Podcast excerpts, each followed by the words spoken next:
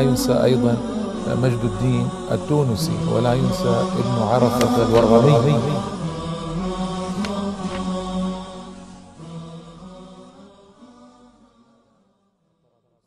بسم الله الرحمن الرحيم. الحمد لله رب العالمين وصلى الله وسلم وبارك على سيدنا محمد النبي الأمي الأمين وعلى آله وصحبه أجمعين. أما بعد الإخوة والأخوات السلام عليكم ورحمة الله تعالى وبركاته. وأهلا وسهلا ومرحبا بكم في هذه الحلقة الثامنة من هذا البرنامج الذي يتحدث فيه عن شخصيات تونسية.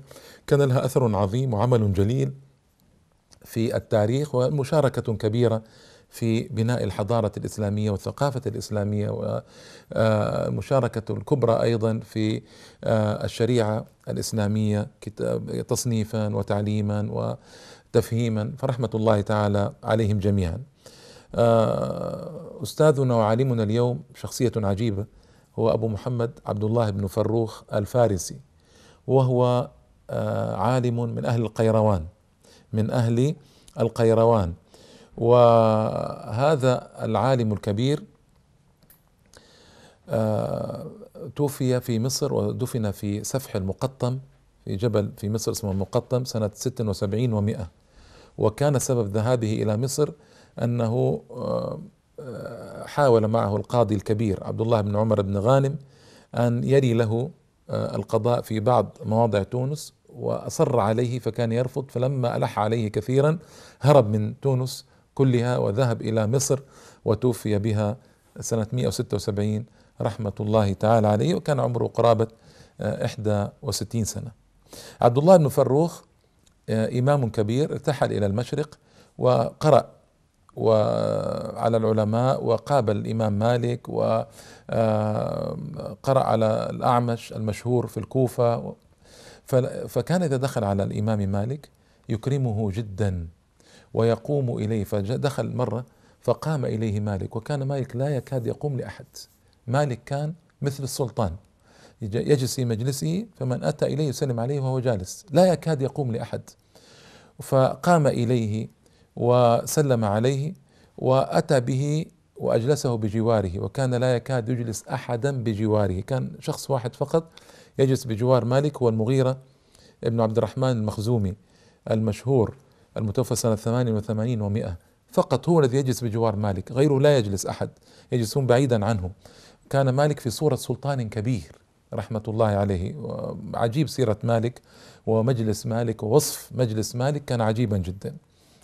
فكان الناس فقربه إليه وجلس بجواره وسأله عن أحوال المغرب و يعني المغرب يقصد تونس يعني وكان الناس يدخلون إلى مالك فيسألونه فيقول أجب يا أبا محمد وهذا تشريف وتعظيم لعبد الله بن فروخ رحمه الله تعالى ورحم مالك. فكان يجيب فيقول للسائل هو كما قال لك أبو محمد ويكتفي بذلك ويعظمه مالك ويقول هذا فقيه أهل المغرب. فقيه أهل المغرب. عبد الله بن فروخ. عبد الله بن فروخ ذهب إلى الكوفة ليقرأ على سليمان ابن مهران الأعمش الإمام الكبير المشهور.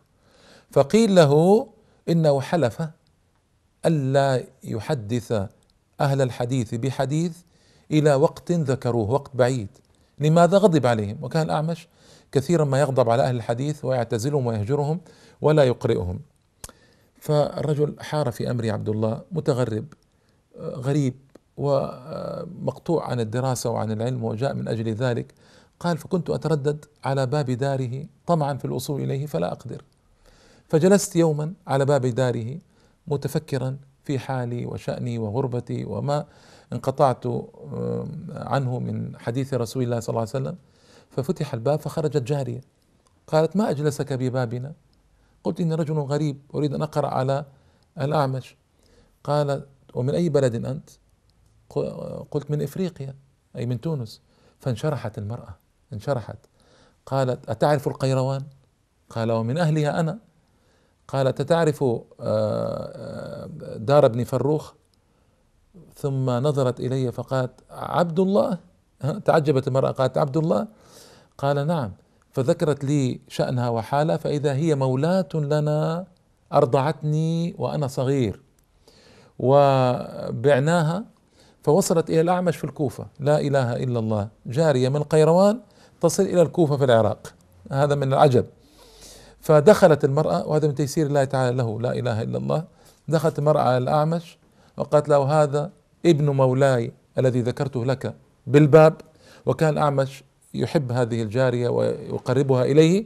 هذا ابن مولاي ذكرته لك وهو يريد أن يقرأ عليك فسمح له واكترى له بيتا أمامه استأجر له بيتا أمامه و آه، صار يقرئه ما يريد منفردا دون أهل الحديث فنال بغيته منه. وهذه قصة لطيفة في طلب الحديث وتدل على أن الإنسان إذا أخلص النية الله يفتح له الباب حيث لا يدري ولا يعلم. ذهب على الإمام أبي حنيفة يقرأ عليه أيضا وهو آه، يقرأ سقطت آه، آجرة طوبة من دار أبي حنيفة على رأسه فدمي نزل الدم. فأبو حنيفة من لطفه قال له إن شئت أرش الجرح. أرش الجرح يعني تعويض. أرش يعني تعويض. إن شئت أرش الجرح وإن شئت حدثتك بثلاثمائة حديث. الله أكبر. أبو حنيفة حدثه ثلاثمائة حديث. قال فرأيت أن الحديث خير لي. فطلبت منه فحدثني بالثلاثمائة حديث. وهذا من اللطائف آه، التي تذكر يعني. آه، عاد عبد الله بن فروخ بعلم كبير سمع به الوالي وكان اسمه روح ابن حاتم. فأتى به ليتولى القضاء. فأبى وقال أنا لا أصلح للقضاء ولا أحب القضاء وكان يكره القضاء جدا.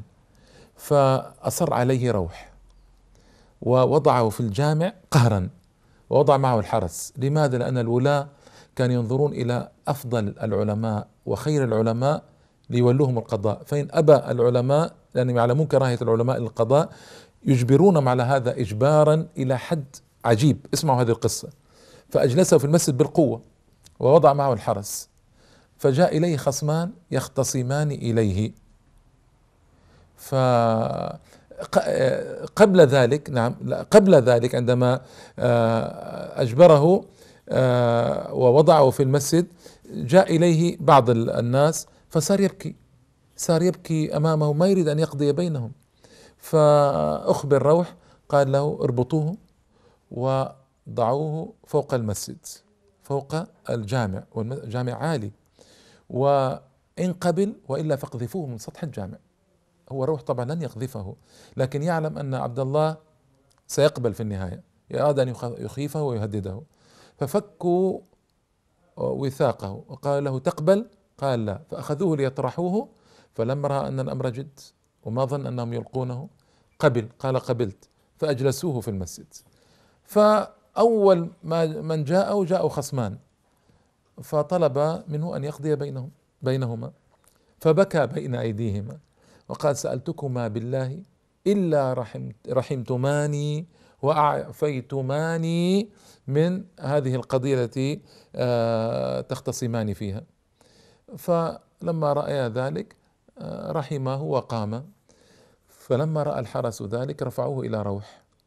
فقال روح للحرس قولوا له إما أن تشير علينا برجل إما أن تشير علينا برجل أو أن تقبل أنت. قال عبد الله ابن عمر ابن غانم وكان أحد العلماء الكبار. فولاه روح القضاء لكن انظروا إلى كراهيته للقضاء. وكان أخذ هذه الكراهية ورثها من أبي حنيفة. فإنه سأله عن قضاء قال يا عبد الله إن مثل القاضي كمثل رجل أو كمثل ثلاثة رجال. رجل يحسن العوم فأخذ البحر طولا فماذا عساه أن يقطع؟ سيعوم ويعوم إلى أن يكل ويتعب ويغرق. ورجل يحسن العوم قليلا فعام قليلا ثم غرق. ورجل لا يحسن العوم ألقى بنفسه في البحر فغرق مباشرة. فهذا هو القضاء. فالسلف كانوا يكرهون القضاء جدا ويخافون منه جدا ويحذرون منه جدا لأنهم يخافون أن يجوروا في الأحكام ويرون أن الولاة قد تغيروا والزمن تغير وما يريدون الورطة فيرفضون القضاء. وكان منهم عبد الله بن فروخ رحمة الله عليه. وهذا الرجل كان زاهدا وكان إذا خرج من بيته إلى الجامع ليصلي فالناس تذهب معه تحيطه يريدون أن يسمعوا دعاءه يريدون أن يسمعوا آه، موعظة منه ذكر منه كذا. فإذا اقترب من باب المسجد آه، يعمد إلى حذائه كأنه يزيل عنه الغبار ويقول لهم ادخلوا رحمكم الله. فيدخلون الجامع ويبقى هو منفردا فإذا بقي منفردا دخل. ليش؟ ما يريد أن يدخل الجامع وبجواره الناس لأنه يرى أن هذا فتنة للعالم. يدخل بجواره الناس ويحدث ضجة وجلبة في الجامع والناس ينظرون إليه فيرى أن هذا فتنة فيقدمهم أمامه ثم يدخل بعدهم رحمة الله تعالى وهذا من ورعه وتواضعه رحمة الله تعالى عليه. وكان يغسل الموتى حسبة لله لا يرجو بذلك إلا وجه الله. يقول أحد أصحابه رآني مرة في المسجد فقال له اتبعني فتبعته. فإذا بيدخل في أزقة في القيروان حتى إذا جاء إلى خربة من الخرائب دخلها فإذا في غرفة رجل أسود ممدد. قال إيتني بالماء وصب علي صبا رفيقا. فصببت عليه كما أمر وصار يغسل هذا الأسود حسبة لله تعالى. ما لا يعرفه لكن أعلم بمكانه وأنه مات وليس له أحد يغسله. منقطع هذا الأسود ليس له أحد. فغسله ثم قال احمله معي. فحملناه قال إلى الطريق. فوجدنا رجلا آه، فقال له آه، الجنازة يرحمك الله يعني احملها معنا. فحملوها الثلاثة حتى أوصلوا إلى القبر ودفنه آه، عبد الله ابن فروخ رحمة الله تعالى عليه. فانظروا إلى تواضع ابن فروخ وإلى رقة نفسه وإلى تغسيله الموتى. ويعني كيف يصنع هذا كله؟ رحمة الله تعالى عليه. يرجو به الله ويرجو به يرجو به الله تعالى يرجو به الدار الآخرة فما احسن نفسه رحمة الله تعالى عليه. في يوم من الأيام ويمشي في الطريق رأى رجلا اسمه إسحاق. هذا إسحاق ابن روح ابن حاتم. يعني إسحاق هذا ابن الأمير. الأمير روح قلت لكم الذي حاول أن يوليه القضاء ورفض. رآه يرسل كلابه على ظبي. يضريها. إيش معنى يضري الكلاب؟ أي يعلمها على الصيد ويعلمها على كذا فصارت تنهش الظبي. يعني هو لن يأكل هذا الظبي. وفي النهاية الكلاب ستعذب هذا الظبي بهذه الطريقة وهي ما أحسنت بعد الصيد. ف لكن كان عبد الله يتبع جنازة. فلما تبعها عاد فراى إسحاق ابن الأمير. فقال له آه إن النبي صلى الله عليه وآله وسلم نهى عن ذلك. ونصحه ألا يعيد هذا الصنيع لما فيه من تعذيب الحيوان البهيمة هذه. فقال أفعل إن شاء الله تعالى يا أبا محمد. وكناه تعظيما له. هو ماذا قال له؟ قال يا فتى. يعني ضمان فروخ يعرف إنه ولد الأمير. لكن قال له يا فتى هكذا بدون تعظيم. يا فتى إن النبي صلى الله عليه وسلم نهى عن ذلك. فقال يا أبا محمد جزاك الله خيرا. نعم وسوف لا أعود لذلك ابدا. وامتثل لنصيحته.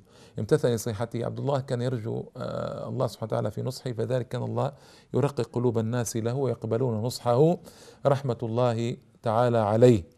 وبقي عبد الله هكذا بعيدا عن المناصب بعيدا عن الولايات بعيدا عن القضاء. آه، يعلم الناس ويحدثهم ويفقههم في القيروان. آه، إلى أن قلت كما قلت لكم في بداية الحلقة أصر عليه القاضي أن يلي له بعض المواضع فخاف ذهب إلى آه، مكة ليحج وعاد فلما عاد توفي في مصر سنة 176 وفجع بوفاة أهل مصر وكانوا آه، يرجون أن يبقى ليعوضهم عن الليث. الليث كان قد توفي الليث بن سعد فقيه مصر الكبير آه، أن يعوضهم الله تعالى في هذا عبد الله بن فروخ أن يكون بديلا عن الليث. فعاجلته المنية فمات في مصر سنة 176 ودفن في سفح جبل مقطم. فرحمة الله تعالى على عبد الله بن فروخ الفارسي الإمام العظيم الورع الزاهد المحدث العالم. ورفع درجته في اللين والحقنا به على خير على خير حال. والسلام عليكم ورحمة الله تعالى وبركاته.